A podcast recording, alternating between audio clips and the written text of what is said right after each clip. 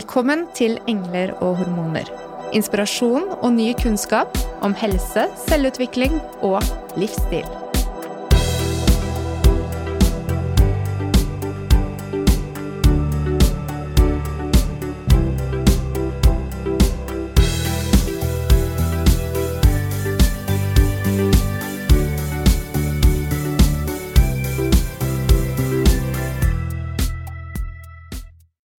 Denne uken skal vi bli kjent med ny kunnskap og bli inspirert av noe som vi oppdaget så sent som i fjor, nemlig human design.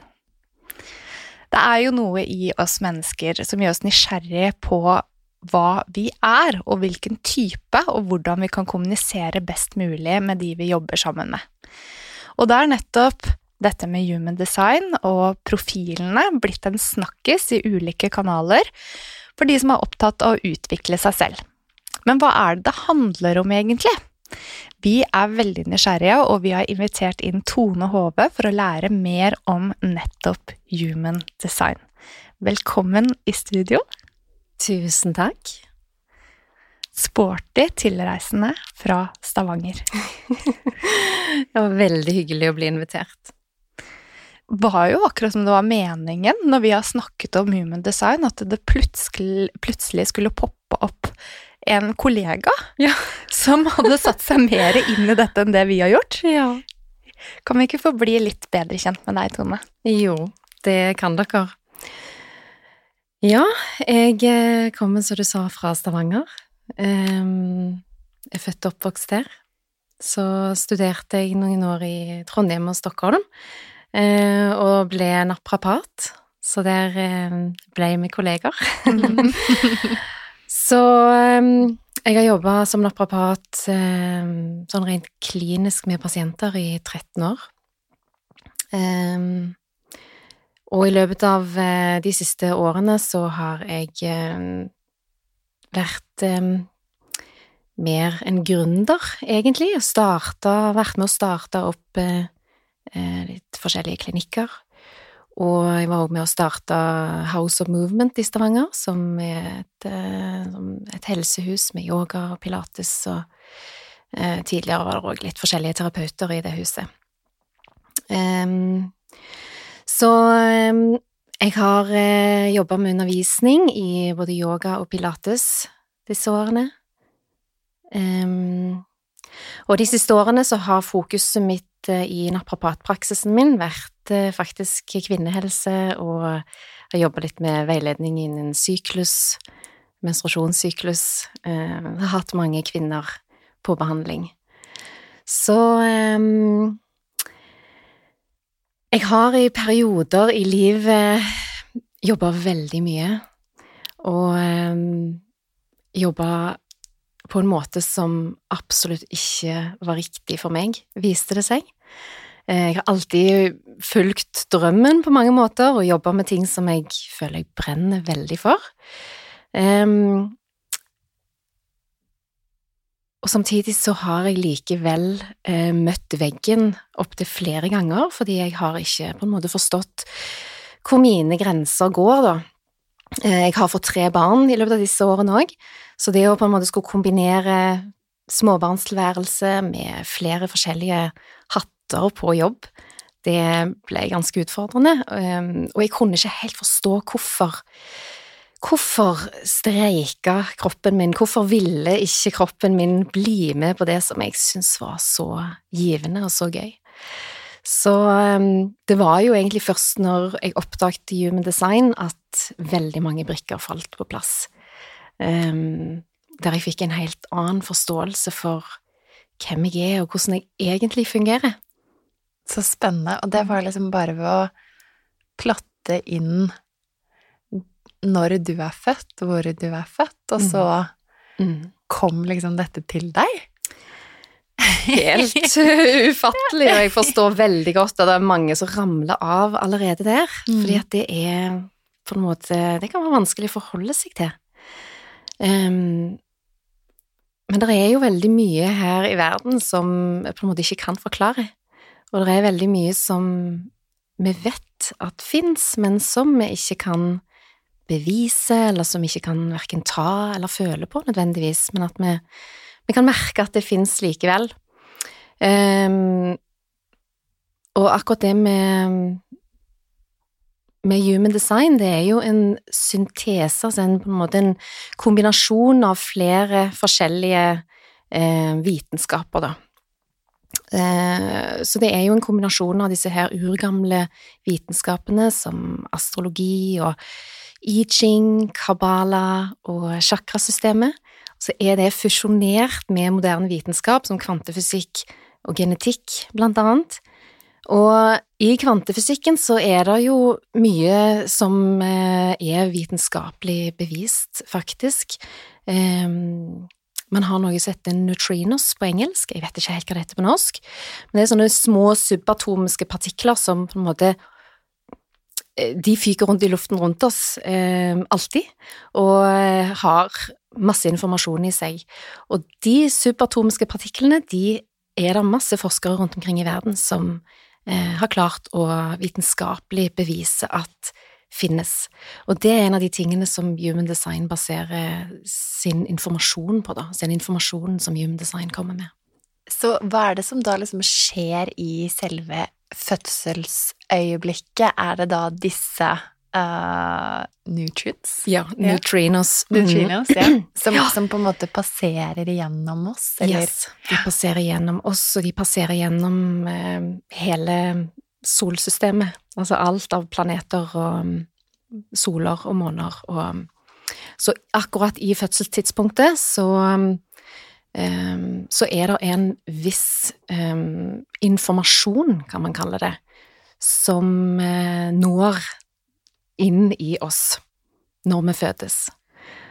Men er det sånn at alle da som blir født samtidig, vil ha den type profil? Hvis to barn blir født samtidig i Larvik, da, sånn som der jeg mhm. ble født, er det sånn mhm. at vi, at vi blir veldig like, på en måte? Ut ifra human design? Ja, på mm. mange måter så mm. blir man det. Eh, men så har man jo òg Altså, kjønn vil jo òg ha noe å si. Mm. Jeg har en tvillingbror, for eksempel. Han er født ti minutter før meg. Um, jeg har fortsatt ikke funnet noen forskjeller på våre kart. Nei. Så um, og det er litt interessant, fordi at det er faktisk noen ting ved et human design-kart som endrer seg hvert andre minutt, cirka. Så det er mm. derfor klokkeslettet er ganske viktig å få nøyaktig. Mm. Mm. Men, eh, men, ja, kart kan være like, men det betyr ikke at meg og min bror er prikk like på alt. Og det er på en måte ikke Altså, human design, det utstyrer oss på en måte ikke med all kunnskap om eh, hvem vi er nødvendigvis. Det viktigste informasjonen vi får gjennom Human Design, det er hvordan energien vår fungerer, hvordan vi på en måte skal bruke energien på en bærekraftig måte som gjør at vi ikke lekker energi på feil ting. Er det liksom gnisten i oss, eller liksom bålet inni oss? Kan kan vi bruke måte det bildet på det også, eller? Jeg syns egentlig det, ja. ja. Det er på en måte det bildet òg. Eh, og det er jo det som bor i oss, som eh, gjør at du er du, og jeg er jeg. Det er vår, vår, på en måte, energet, vårt energetiske DNA, er det mange som kaller human design for. For vi vet jo veldig godt hvordan vi fungerer rent fysisk. Vi, vi kan jo anatomien, og vi kan fysiologien, ikke sant. Og Eh, I alle disse årene der jeg jobba klinisk med pasienter som hadde smerter og som, som strevde med ting i den fysiske kroppen, så savna jeg veldig å ha et godt verktøy og et godt redskap for å kunne beskrive og forklare for pasienten hvordan livet henger sammen med den fysiske kroppen vår. Fordi det gjør det. Livet setter seg i den fysiske kroppen, og alle emosjonene våre, og hvordan vi lever, hvordan vi har det, alt setter seg og manifesterer seg som fysiske ting i kroppen. Um, og det er det er ikke alltid like lett å få folk til å forstå, med mindre man har noen konkrete, praktiske redskaper å hente fram, da. Og det syns jeg Human Design ga, virkelig. Mm. Opplever du at pasientene dine var åpne for det når du kom som naprapat og spurte når er du født og hvor? ja. Jeg presenterte ikke dette for absolutt alle. Nei. Ehm, jeg eh, tuner meg fint inn på folk, eh, så jeg, jeg sensa, jeg kunne merke hvem som var åpne for det, og hvem som kanskje mm, kunne tenkes at dette var interessant for det.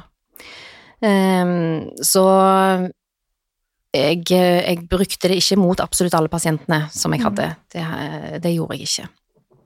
Nå er det jo ikke um, nødvendigvis uh, så mange bieffekter ved å få vite sitt human design-kart som er negative. Sånn, uh, jeg føler allikevel meg ganske overbevist om at det sitter mange av våre kollegaer hjemme der nå og tenker hva er det dere egentlig er inne på nå? Mm. Hvor er det dette kommer fra? Mm. Uh, for selv så så jeg human design fordi mange begynte å prate om det begynte å fortelle hva de hadde fått ut av det, før jeg egentlig skjønte hvor det kom fra, og hva det var. Eh, og når det er basert på I Ching, eh, astrologi, chakrasystemet, kabbala, også kvantefysikk, egentlig, som er eh, Ja, kan være litt alternativ i gaten, så, Mhm. så er det lett å bli skeptisk. Ja, og det høres jo litt ut som et sammensurium av eh, ulike retninger. Mhm. Men um, hvordan er det egentlig dette kan bli satt i system, når det er altså så mye? Mhm. Det er et veldig godt spørsmål, Ja. og det er jo et spørsmål som veldig mange stiller. Eh, og egentlig et spørsmål som eh, ikke alltid er så lett å forklare eller å på en måte gi et godt svar på, fordi eh, dette systemet som eh, er nå blitt human design, det, det har jo en litt sånn mystisk opprinnelse. Eh, og på en måte, når man har lært seg dette systemet og på en måte sett alle fordelene med det, så kan, det, kan man liksom irritere seg litt over den mystiske opprinnelsen, fordi det er vanskelig for, for alle å på en måte bli med på den. Men eh, det en, var en helt vanlig mann som jobber med markedsføring eh, i USA, som heter Alan Crackover. Han eh, hadde i 1987 en veldig mystisk opplevelse, der han plutselig hørte en stemme eh, som sa det er tid for å jobbe. Så han på en måte ble fortalt, heter det, at han eh, skulle sette seg ned og begynne å motta informasjon.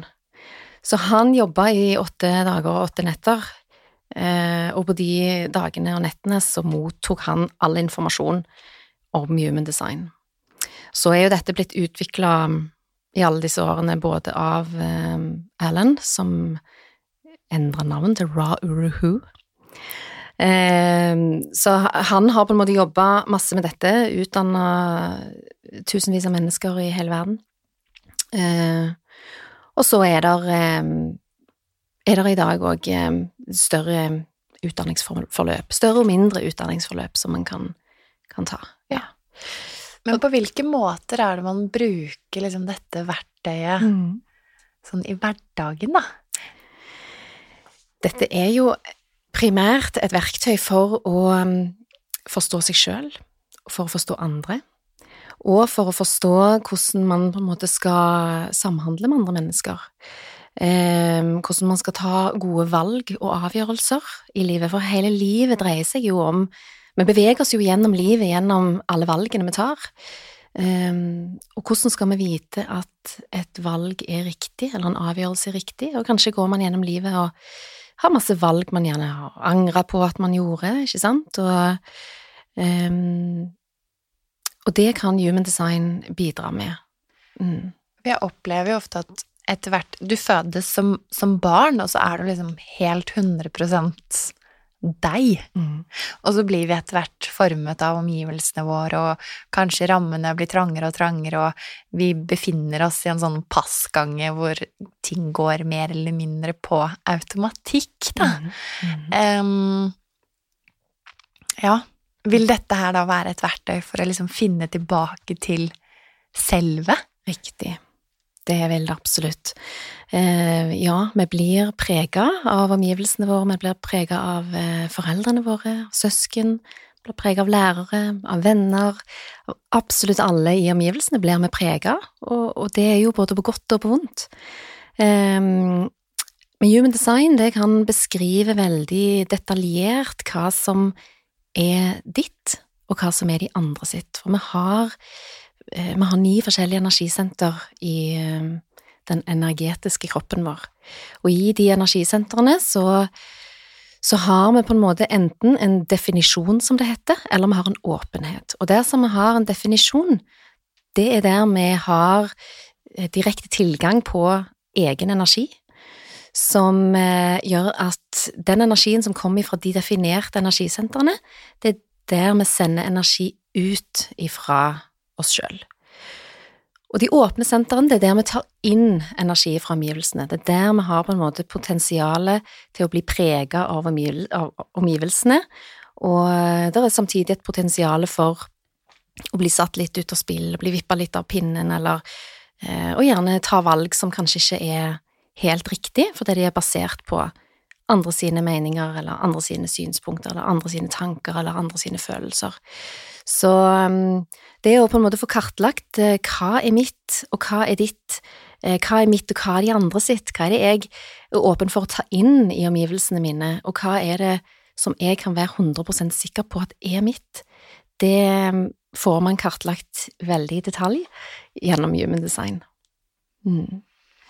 Er det din erfaring, eh, Tone, at når noen kommer til deg og får sitt kart, er det, er det mange som kjenner seg igjen i det du formidler? Altså, er dette noe som treffer folk? Det som skjer når man går igjennom eh, et human design-kart, som det heter, eh, det er at de aller, aller fleste Jeg har fortsatt til gode egentlig å møte noen som ikke får en sånn følelse av gjenklang i systemet sitt. Fordi at det man egentlig finner i et human design-kart, er egentlig ikke noe nytt. Det er egentlig ting man på en måte dypt inne på et slags sjelsnivå kjenner igjen, og som man, som man kjenner igjen at er på en måte Ja, det er meg.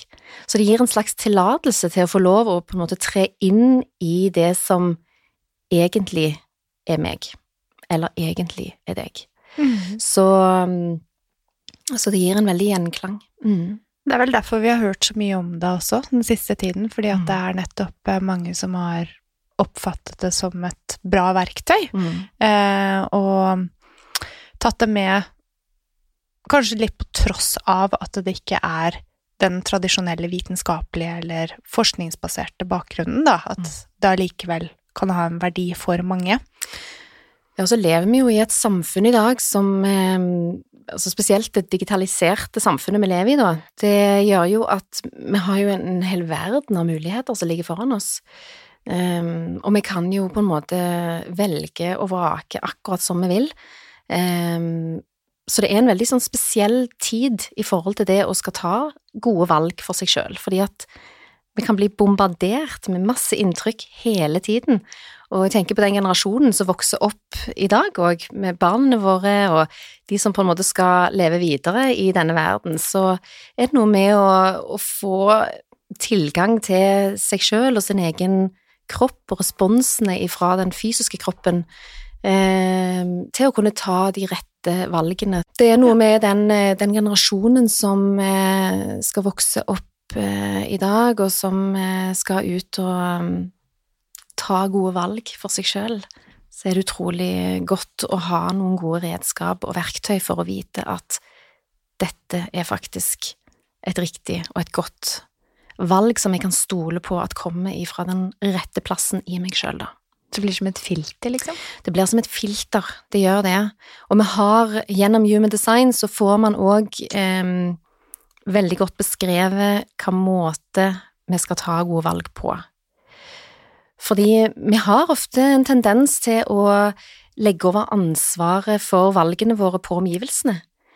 Eh, det kan ofte være fint å spørre for eksempel en venn eller en mor eller far eller en lærer eller mentor eller hva som helst, hva, hva syns du, hva er det rette valget? Men hvis vi på en måte skal ta valgene våre basert på forventninger fra omgivelsene, for eksempel, eller eh, forventninger som man på en måte kanskje har lagt, tillagt seg sjøl, så blir det sjelden riktig. Eh, og man kan oppleve motstand og liksom frustrasjon i prosessene. Så det her handler jo om å ta gode valg og avgjørelser som gjør at man får en form for flow og letthet gjennom livet. Nå har jo du fått tilgang til våre data, Tone. Ja. ja. Så du har tatt en titt på våre kart, og det er vi veldig spente på. Veldig. Men sånn helt øverst, når man ser på human design, så starter det med at man har en eh, ja, profiltype. Ja. Det er det man oftest hører om. Energitype. Energitype. Mm. Og da mm, har vi fått to ulike svar, har vi ikke det? Mm. Mm. Riktig. Så um, i Human Design så snakker vi om fem ulike energityper. Og energitypene det er ikke det samme som personlighetstype, som man gjerne kan få i personlighetstester. Mange som kjenner til det. Mm. Energitype, det handler om noe helt annet. Din energitype, det forteller deg om hvordan du skal utveksle energi med omgivelsene. Hvordan du skal bruke energien din riktig, så du unngår å lekke energi på feil ting. Så du, Mona, du er en energitype som eh, kalles for manifesting generator på engelsk. På norsk så kan man kalle det for manifesterende generator. Og Ingvild, du er en generator. Så dere havner begge to inn i denne generatorkategorien, eh, som utgjør ca. 70% av eh, verdens befolkning. Eh, så dere er jo absolutt i flertall, Mhm. denne generatorgjengen. Så er det ca. halvparten av eh, hver i denne kategorien, da. Så ca. halvparten av disse 70 er manifesterende generator, og den andre halvparten er generator. Og disse generatortypene, det de har til felles, det er jo at de representerer på en måte all livskraft her i verden. Så en utrolig kraftfull, kreativ eh, energitype som er her for å skape og drive og bygge og få verden framover. Så historisk sett så var på en måte generatorene en eh, De ble jo ansett som de som på en måte skulle bygge verden. Og det er jo de som på en måte har bygd verden til dit vi er i dag. Så eh, eh, det som er viktig for en generator, det er å lytte til eh, den tydelige magefølelsen som sitter nede i et energisenter som kalles for sakralsenter. Og den magefølelsen, den er det bare generatorer som har. De andre energitypene har ikke det. Så både manifesterende generator og generator har en tydelig magefølelse som er utrolig viktig når man skal ta avgjørelser, når man skal ta valg, eh, og når man skal vite om det er riktig eller ei å bruke energi. Og utveksle energi med omgivelsene. Så eh, forskjell, litt, av forskjell, litt av forskjellen på en manifesterende generator og en generator, det er at den manifesterende generatoren er her for å eh, gjøre gjør, altså, gjør mange forskjellige ting. De er multilidenskapelige og har energien til å drive med mange forskjellige ting på én gang. Så en generator er, kan òg ha forskjellige lidenskaper, men de holder gjerne på med én ting om gangen. Og har gjerne ett hovedfokus om gangen. Så kan det fokuset endre seg absolutt gjennom livet, men energien er mer fokusert mer retta på én ting. Eh, og en manifesterende generator er òg eh, beveger seg òg litt sånn raskere gjennom livet. En litt kjappere variant av generatorenergien, og, og er skapt for å på en måte endre retning litt fortere, eh, og kanskje endre mening litt fortere, og, og kanskje òg um, um, um, Ja, det å, måte, det å på en måte ikke alltid gjøre ting helt ferdig. Det å ikke gjennomføre ting helt, 100% kanskje, før man beveger seg til neste ting. Det er en viktig del av det å være manifesterende generator, å tillate seg å få lov å på en måte Ja, men så tester jeg ut det litt, grann, og så tester jeg ut det litt, grann, og så tester jeg ut det. Å få lov å starte og slutte med ting, altså slutte med ting like raskt som man starta med det, er på en måte Det er veldig manifesterende generator. Ja. Ingvild flirer. Kjenner du meg igjen? Ja, Jeg kjenner deg litt igjen. Også. Men så ble jeg veldig nysgjerrig på liksom, hva er det som er typisk meg, sånn sam, eller typisk min eh, energitype. Ehm, sånn opp imot det, da. For om det jeg tenker nå, om det faktisk liksom er det samme som du skal si. Mm, Ja. interessant. Vi får høre, da. Vi får høre. Um, en annen ting som er veldig viktig da, for en uh, generator for Det er veldig mange som, når de oppdager at de er i, i noen av den generatorkategorien, som da er 70% av befolkningen, så er det, det er mange som blir litt skuffa fordi de trodde at de kanskje var en av de andre energitypene som kanskje ikke har like mye kraft i seg, som ikke har like mye konsistent energitilførsel til kroppen sin. Eh, Fordi det er veldig mange der ute som føler seg veldig slitne, føler seg veldig stressa, eh, og som kanskje Som er eh, Ja, som kjenner at de trenger en liten pause. Og når man da får høre at jo, men du er liksom skapt for å jobbe, du er skapt for å drive dette, denne verden videre, så er det mange som kan kjenne litt sånn avmakt, nærmest, fordi de kanskje ikke alltid kjenner seg igjen. Og det det handler om, det er at for en generator så er det helt essensielt å gjøre det som gir tilfredsstillelse, eller som gir en, en følelse av tilfredshet i kroppen. Og hvis en generator ikke gjør det, hvis en generator lever livet basert på det som høres smart ut, det som høres fornuftig ut, det som det er en forventning om at en skal gjøre, enten ifra omgivelsene eller fra en sjøl.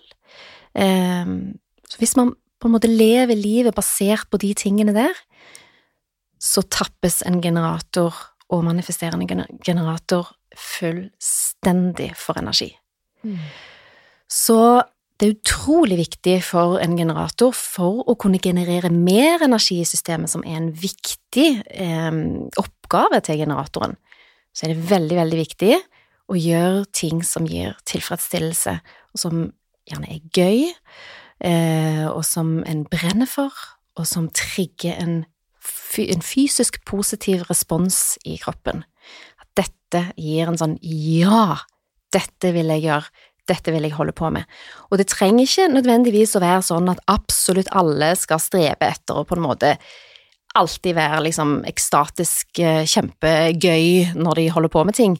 Det handler om at dette skal føles riktig på et litt sånn dypere nivå i kroppen, og ikke riktig ifra hodet. Og den fysiske responsen i kroppen som eh, en generator skal lytte til, den gir ikke alltid helt mening. Kroppen din kan gjerne dra deg mot noe helt annet enn det hodet egentlig tenker er rasjonelt eller smart eller fornuftig. Så det å lære seg å tune seg litt inn på de fysiske kroppslige responsene som en generator er utrolig viktig. For ja, du har en tydelig sterk magefølelse, som er den, kanskje den aller viktigste responsen, men så er det andre responser òg som sitter i sakrale, det sakrale senteret. Eh, og det er det òg en sånn fysisk dragning mot noe, noe, eller en fysisk frastøtning ifra noe, som du, du, du kan liksom kjenne når du står med to ulike valg, for eksempel, at du dras mer fysisk mot det ene eller det andre. Eh, og som manifesterende generator så er ofte den fysiske responsen mye mer mye mer fysisk og aktiv enn det en generators respons er. Generatorens respons er kanskje litt mer sånn subtil, kanskje litt sånn viseral, dypt ned i magen, at du kan liksom, ja, du kjenner en dragning, mens en manifesterende generator vil gjerne liksom opp og sette i gang med en gang. Um, så det er litt sånn ulik måte å respondere på. Så har man òg mye lyd i um, sakralen. Mhm. Mhm. Mhm. Mm. Aha. Så, eh, og den lyden, den har vanvittig verdifull informasjon. Så hvis du får et spørsmål vil du bli med på kino? mm, Nei. Eller mm, ja. Så har du på en måte gitt to forskjellige svar. Fordi at kroppen din har gitt en respons først, på kanskje kroppen din responderer mm, ja, det kunne vært hyggelig. Da har kroppen din egentlig respondert nei først, og så sier du ja fordi at hodet ditt tenker at jo, men det burde jeg kanskje gjøre, fordi det er hyggelig, det er lenge siden jeg har vært på kino med det mennesket, for eksempel. Ja, Det burde jeg gjøre. det burde jeg gjøre. Men det er jo mm. veldig lett å se når du observerer utenfra Ja. akkurat hva du mener. Ja. Mm. Mm. Så bra. Ja, for det er jo sånn eh, man eh, Da får man jo litt eh, tvetydig svar, og man får jo også den følelsen av at eh, nå er det noe som ikke helt stemmer. Ja. Mm. Det er det. Mm. Um, ja, og du kan jo merke det. Mm. Du kan merke det på, på den andre, sant? Mhm. Så um, det er utrolig mye lettere å forholde oss til hverandre når vi på en måte lever i tro mot oss sjøl. Mm. Så Mhm, um, mm -hmm. Jo, men de lydene der, de er så viktige. Og det er så Ja. viktig å ikke undertrykke de, for dette er veldig mange som gjerne får eh, kommentarer på det opp gjennom oppveksten, og at det blir litt sånn bråkete, sant? Ehm, og de tenker kanskje at åh, hvorfor driver jeg og mm, mm, mm, lager alle disse rare lydene? Eh, men det er utrolig verdifull informasjon i de lydene, så, så lytt til hva kroppen din eh, Hva lyd som kommer ut av kroppen din neste gang du på en måte får et spørsmål som du skal svare ja eller nei på. Um, fordi det er egentlig det kroppen din har et behov for der og da. Ja. Mm. Du var jo innom da eh, energitypen til Mona, mm. manifesting generator. Mm. At man gjerne liksom starter på mange ting, og så er man ikke nødvendigvis liksom Så god til å fullføre. Nettopp. Ja, men Mo Ja. Mona er veldig sånn Det er mye bedre å få, jo, få det gjort enn å få gjort det perfekt. Yes.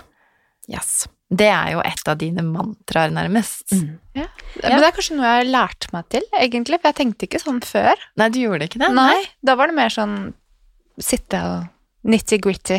Mm. Og det kan, jo ha med, det kan jo ha med hvem du levde med den gang. Det kan jo òg ha med sant, en påvirkning fra omgivelsene dine, for eksempel. Kanskje du har hatt en lærer som har hatt forventninger som du har da innfridd, for eksempel. Og nå når du gjerne lever et litt mer selvstendig liv, kanskje, og tar dine egne avgjørelser, så, så er det viktigere for deg å heller få ting gjort enn å gjøre de ordentlig. Og det er en viktig egenskap, fordi det er det som på en måte tar deg raskt gjennom livet. Du skal ikke nødvendigvis gå ned i dybden på absolutt alt. Fordi det vil bare skape blokkeringer for deg. Det vil bare skape treghet som du ikke trenger i livet. Du skal jo bevege deg framover. Du har en viktig oppgave i å, å gjøre det. Så, så det er virkelig en egenskap som andre kan bli frustrert av, men som er veldig viktig for deg. Å gir gi deg sjøl tillatelse til å starte og slutte, og kanskje ikke fullføre, og kanskje ikke gjøre alt nødvendigvis så ordentlig. Det viktigste er jo da på en måte gjøre det såpass ordentlig at du ikke må gjøre det om igjen, ikke sant. Jeg har en sønn som er manif manifesting generator, for eksempel, og jeg må jobbe litt med han i forhold til sant, at eh, leksene de må faktisk gjøres ordentlig, hvis ikke så risikerer han å må gjøre de på ny, og det, det er kjedelig. Men det, det har kanskje vært litt oppe når det gjelder produktivitet, da, for min del i hvert fall de siste årene, fordi um, ofte så er det mange som bruker mye tid på eksempel skolearbeid, og når du skal få en karakter eller levere en oppgave, så har man en tendens til å sitte og se over og se over og sjekke alt opp og tilbake. Um, men um, ofte så er det jo Jeg sier at man altså bruker uh, kanskje da 80% da ekstra på noe som egentlig gir 20% resultat, at man, at man ikke alltid får så mye igjen for Mm. å sitte og gjøre så mye ekstra for at alt skal være perfekt. Yes. Og øh, ting må jo leveres, selvfølgelig, men uh, av og til så kan man kanskje Jeg sier lære litt av gutta, jeg. Ja. Og så bare være fornøyd med at man har gjort en god jobb. Og det er manifesting generator-visdom. Mhm. Så takk for det. det er så viktig. Mhm. Og det er så mange som tenker at det er noe feil med det. Det er noe galt med det. For vi, vi lever jo i et veldig sånn perfeksjonistisk samfunn. Eh, og vi legger masse krav på oss sjøl. Til at alt skal være til punkt og prikke, og alt skal være veldig korrekt, og alt skal være veldig, veldig ordentlig. Så um, vi har mye å lære av akkurat, eh, akkurat det du sier der. Mm. Done is better than perfect. Men så har du jo, så har du jo på en måte Ingvild, da, som har litt andre energier i seg, da, som ikke nødvendigvis er fordi hun er generator, men fordi at det er andre energier som eh, flyter i hennes energisystem.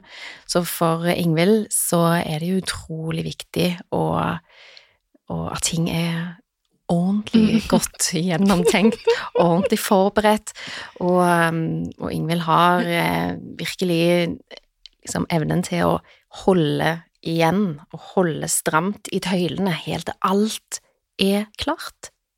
Og når det er klart, da vet Ingvild at da er det klart for å slippe tøylene, ikke sant? Ja. Så, så du har jo en sans for det. Og den er jo òg superverdifull. Så det som er interessant å se når vi på en måte legger Ingvild sitt kart og Mona sitt kart oppå hverandre og ser hva skjer når deres energi kommer sammen. For da skjer det noe ganske annet enn det, enn det som skjer når måte dere er på egen hånd. For du, Mona, du har på en måte dine egenskaper og, eh, og din energi og ditt energisystem når du er for deg sjøl. Og det har du òg, Ingvild. Og når dere to kommer sammen, så skjer det noe ganske magisk. Rett og slett. Ok. Skal jeg utdype? Ja, veldig gjerne. Det var egentlig litt det jeg tenkte i stad. For jeg kom til å tenke på sånn Instagram-poster og sånn. For der er det sånn at jeg kan bruke en halv dag jeg, på å skulle øh, lage typen fagstory eller et eller annet sånt noe. Mm. Mens Mona bare slenger ut med kommafeil og punktumfeil Ja. og sånn. Og Og så er jeg inne og retter på at du har glemt ting. Da. ja da, det er sant, det er sant. Men jeg prøver å lære litt fra deg òg, da. Ja. Men det er jo nettopp det, for at vi har utrolig mye å lære av hverandre. Ja. Eh, For Mona har jo òg en eh, utrolig god sans for timing, for tid det er på en måte riktig å sette et prosjekt ut i livet, og um, så, så dere utfyller jo hverandre på en helt utrolig fin måte der. Virkelig. Mm. Så når man ser på et uh, human design-kart, så um, ser man på en måte et kart i en slags sånn menneskeform, og så ser man ni forskjellige bokser som enten er firkanter eller trekanter. Og noen av de har farge på seg, og noen av de er hvite. Det er noen sjeldne tilfeller som har absolutt alle sentrene definert, altså med farge på alle energisentrene, og så er det noen energityper som har absolutt alle hvite, alle åpne. Men de aller fleste, aller, aller fleste av oss, de har de har en kombinasjon der noen er farga og noen er åpne. Og de farga energisentrene, det er der man sender energi ut. Og de hvite er der man er åpne for å ta inn og forsterke energi fra omgivelsene våre. Eh, og både Mona, du Mona og du Ingvild har ganske mange hvite energisenter. Ehm, og det kan jo på mange måter gjøre at ehm, der har dere en eh, mulighet for å bli på en måte satt litt ut av spill og bli vippa litt av pinnen, basert på alt det dere tar inn av andres energi. Alt det dere tar inn fra omgivelsene. Eh, men samtidig så er det i de hvite, åpne sentrene at eh, det er desidert størst potensial for å bli klok og vis på andre mennesker og på andre prosesser eller på et prosjekt, for eksempel. Så det med de åpne sentrene, det er Det er noe som man på en måte Når man får en forståelse for disse åpne sentrene, så kan de virkelig åpne for en helt ny forståelse for både seg sjøl og for andre mennesker. Så både Mona og Ingvild, begge, begge dere to, har eh, åpne senter i både det emosjonelle senteret og i det intuitive mildt-senteret i eh, Human Design. Og det gjør at eh, dere har en utrolig sensitivitet for eh, andre sine følelser. Blir naturlig veldig empatiske og forståelsesfulle for eh, hvordan andre har det, og hva andre føler. Eh, samtidig så kan det òg gjøre at dere har en tendens til å unngå konfrontasjoner og unngå å si ting sånn som ting egentlig er. Litt konfliktsky.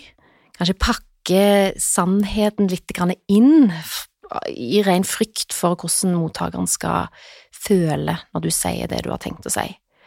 Um, og med det åpne mildt-senteret, der uh, intuisjonen vår sitter, og det er senter, og senter for um, immunforsvar og den fysiske helsen, der har dere òg um, en åpenhet, begge to, der dere tar inn og får en utrolig dyp forståelse for menneskene dere møter. Og jeg tenker i forhold til deres jobb i møte med mennesker som terapeuter, begge to, så er det en fantastisk egenskap eh, å kunne få den forståelsen gjennom det åpne senteret, der dere har mulighet for å lese av nærmest helsen og immunforsvaret til det andre mennesket på en helt unik måte.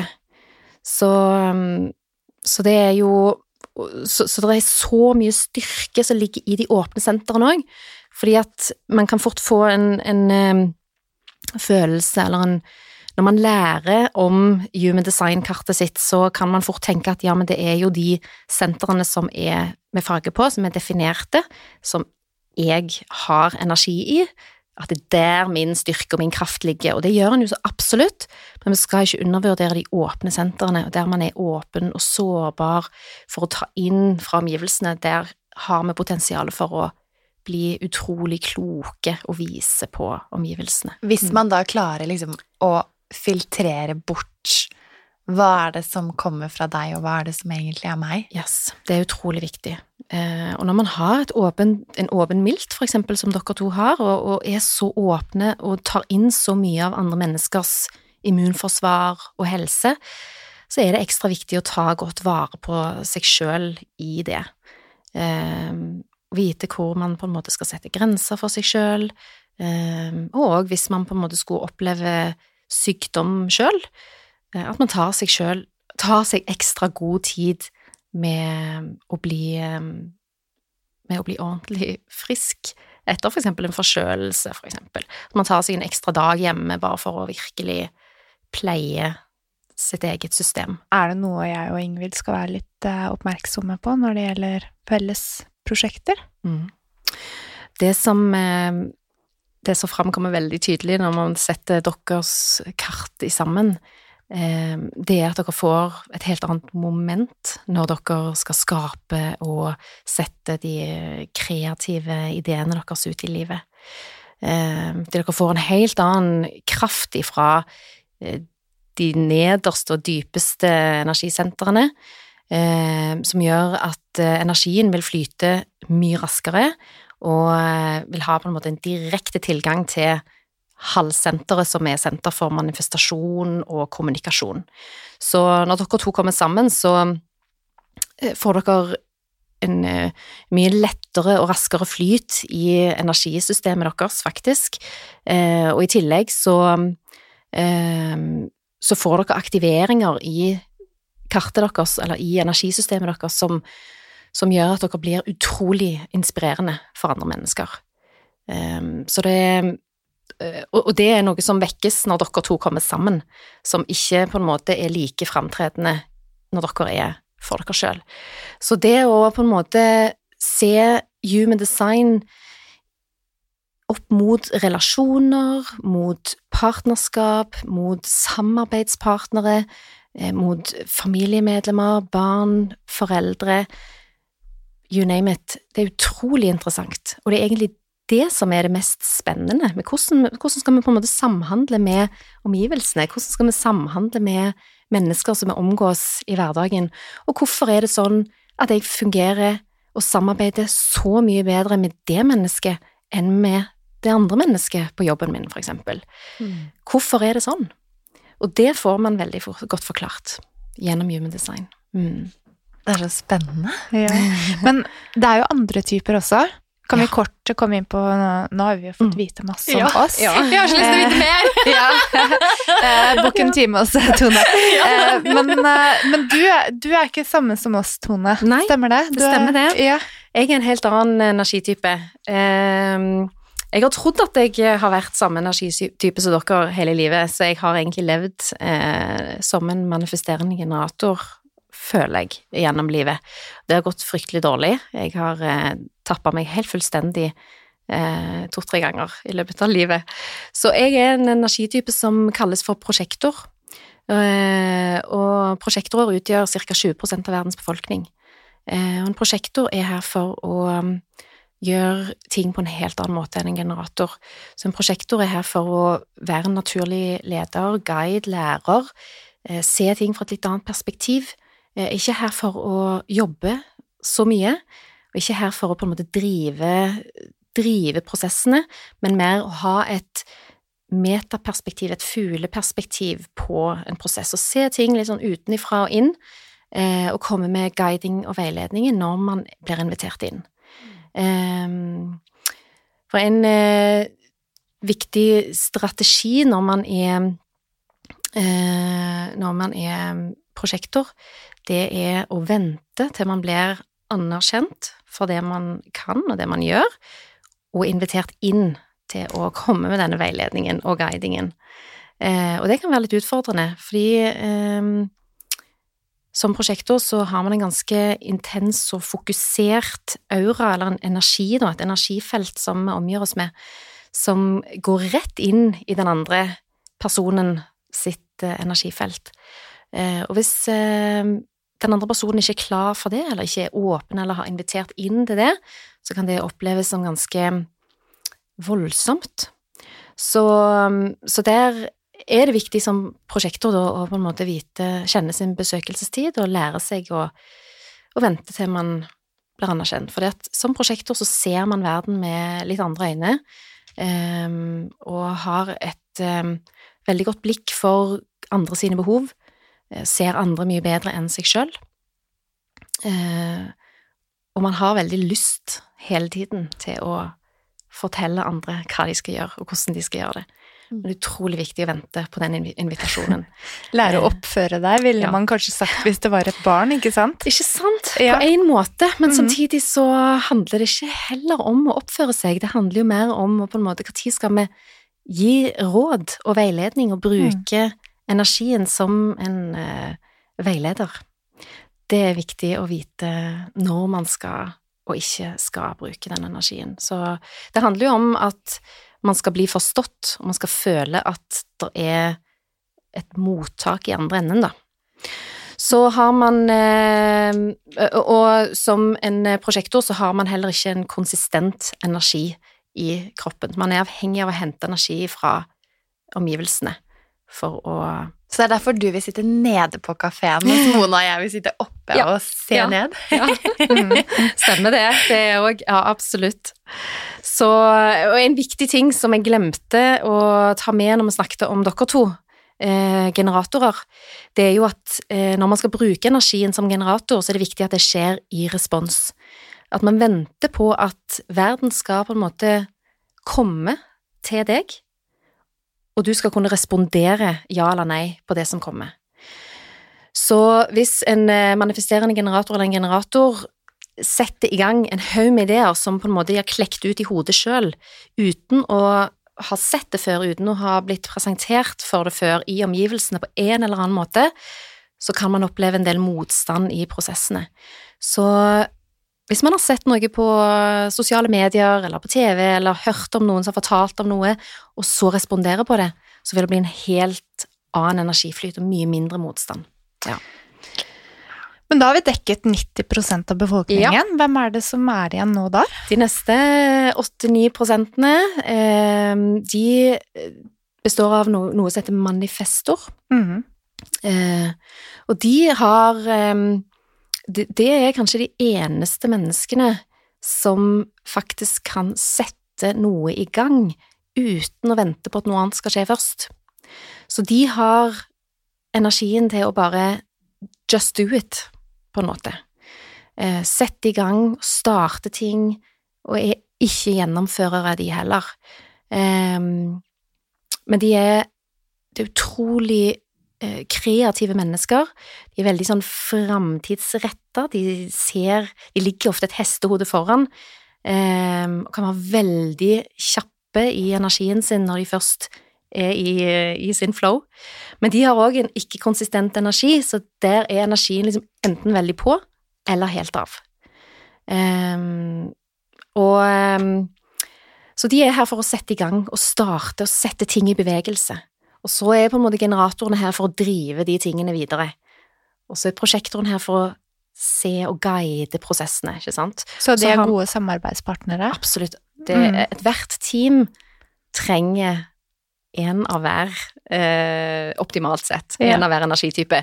Så har vi den siste prosenten, ca. 1-2 prosent, som er det som kalles for reflektor.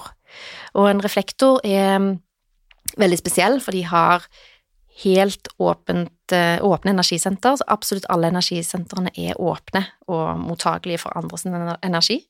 De har heldigvis et veldig sånn beskyttende energifelt rundt seg. Ehm, men de er her for å speile og reflektere omgivelsene sine.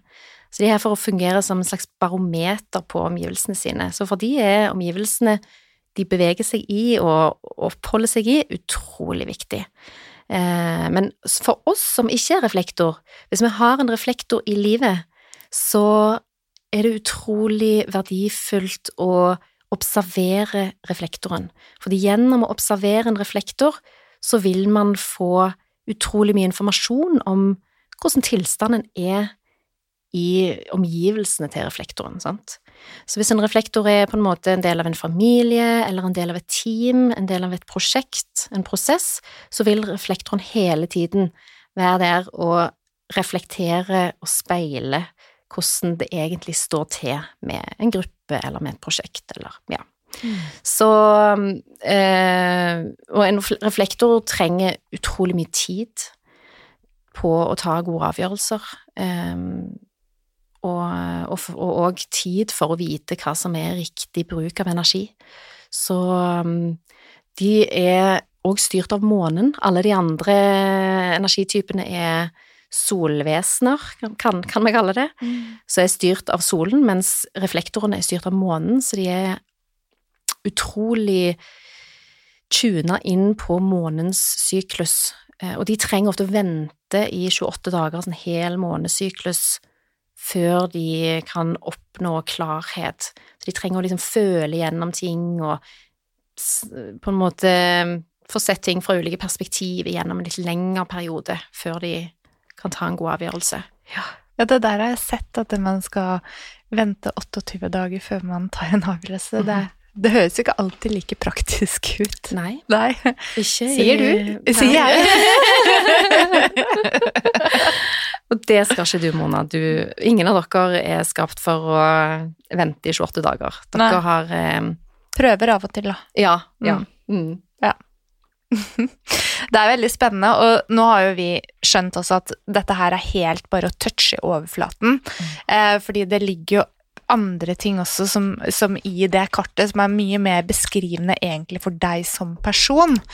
Eh, men, eh, men det er jo veldig fint å bare høre litt om disse autoritetstypene, og så kan vi kanskje legge med episodebeskrivelsen et, eh, en link til din nettside, så kan lytterne gå inn selv og finne ut hvilken type de er. Absolutt. Ja, Mm. og ta kontakt med deg hvis de trenger litt mer veiledning til hvordan man skal lese kartene. Mm. Mhm. Helt klart. Mhm. Ja. Det skal i hvert fall jeg gjøre. Så gøy. Ja. Det gleder jeg meg til. Men disse autoritetstypene, da? Ja. Så når det kommer til autoritet, så handler jo det om hvor i kroppen man skal lytte man for å vite om en avgjørelse eller et valg er riktig eller ei. Eh, Og for dere to som er generatorer, så kan en generator ha eh, Alle generatorer kan ha forskjellig eh, indre autoritet, som vi kaller det for. Men dere to har det som kalles for sakral autoritet, og det er en umiddelbar fysisk respons som man kjenner i magen.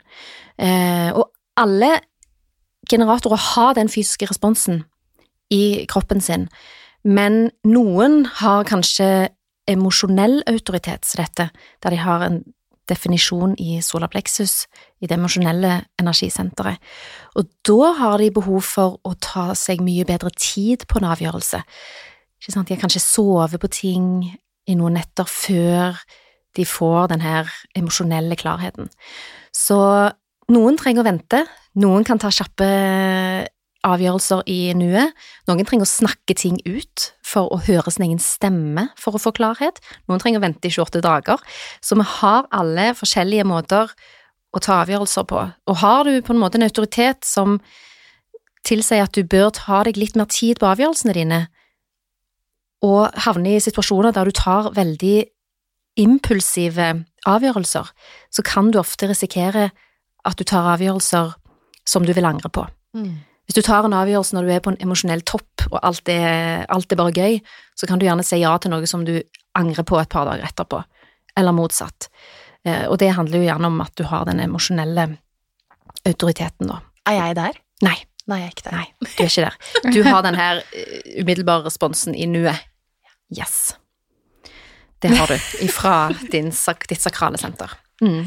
Ja, for det er disse tallene som står etter du har fått vite om du er manifesting generator, eller Ja. Stemmer det at det er der det står to Én, to, tre, fire, fem, seks? Det handler om din profil. Det handler om profil. Ja, og det er kanskje det nærmeste du kommer personlighetstype i human design.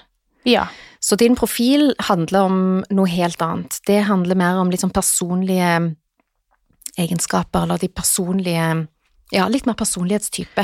Ja. Og, og så har du gates Mm. og channels. Yes. Og det virker også inn på hvordan vi har det. Det gjør det. Ja. Gates, eh, de forklarer Altså, alt det her handler jo om hvordan energien flyter i ditt energisystem, ikke sant? Og gjennom de ulike aktiveringene i portene, som vi kaller det for, Mm. i energisentrene, så får man en beskrivelse av personlige egenskaper. Så aktiveringene i portene, i gates, som det heter på engelsk, i eh, energisentrene, Eh, det beskriver dine personlige egenskaper, det som på en måte er dine egenskaper. Eh, og så har du disse channels, altså kanalene, som kobler et energisenter til et annet. Det handler om hva som er dine styrker, det som er dine mm, kvaliteter, kan man si. Det som du bidrar med her.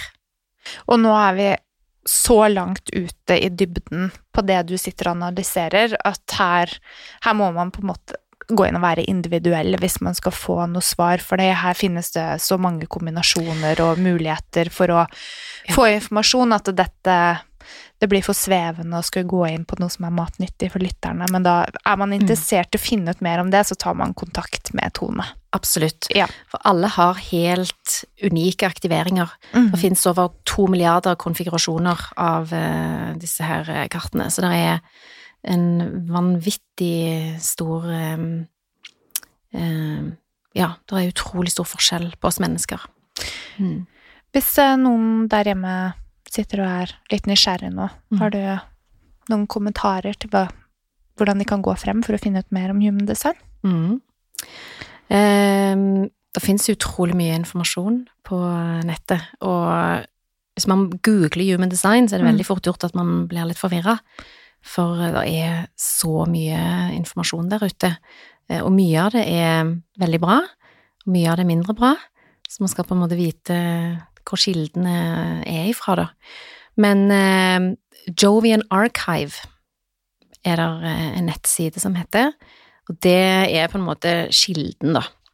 Det er mm, Altså, han eh, Ra Uruhu, som eh, grunnla Human Design, han lever ikke lenger, men eh, de har på en måte brakt hans arbeid videre gjennom Jovian Archive. Eh, Så er det òg en av mine lærere som heter Jenna Zoe. Hun har òg en utrolig fin eh, nettside som er vel verdt å følge, som heter myhumandesign.com. Og deg Mm. finner de Og meg finner de på tonehove.no. Eh, og der kan du gjerne legge link i beskrivelsen, så det går an å klikke seg inn på den. Mm. Definitivt.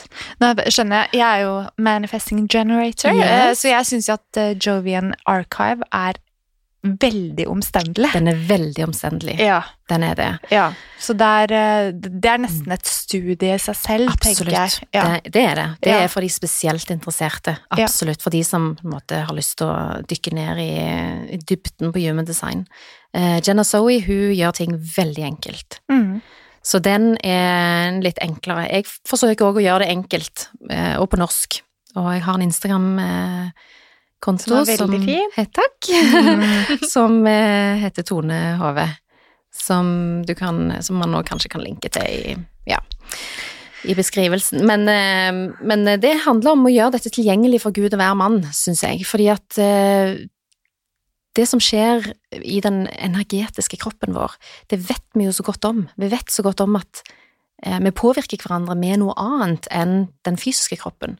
Og, og jeg syns at det viktigste med human design er jo å lage, eller å gjøre det lett tilgjengelig for mannen i gata. Eh, og ikke lage det så mystisk og så utilgjengelig og eh, Når man begynner å snakke om stjerner og planeter og soler og måner, så er det veldig mange som ramler av.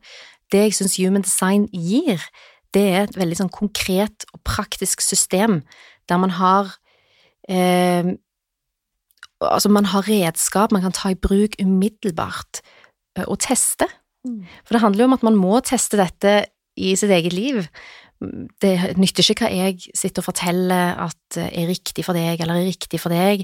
Det er utrolig viktig at dere går hjem og tester disse tingene sjøl, for det er den eneste måten man på en måte kan få noe ut av det her på, da. Mm. Og Mm. tusen hjertelig takk for at du ga så liten smakebit på dette. Så Mona må vi inn og dypdykke enda mer og bruke det i eget liv. Og så håper vi at dette her også har inspirert deg som lytter. Ja, og jeg husker eh, for noen episoder tilbake så introduserte jeg tematikken med å nevne at vi alle kjenner oss igjen i å lytte til magefølelsen. Men nå skjønner jeg ut ifra human design så er det feil, og da beklager jeg til alle der ute som ikke har sakral autoritet.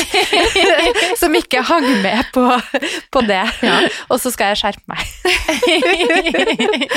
Og for meg som er prosjektor, så har jeg aldri forstått hvordan magefølelsen skal kjennes, fordi at jeg har ingen magefølelse.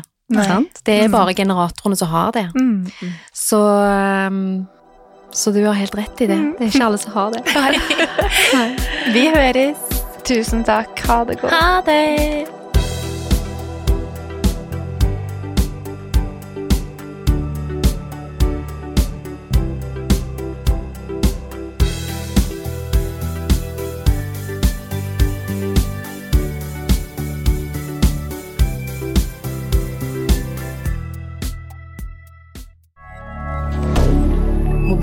regarder.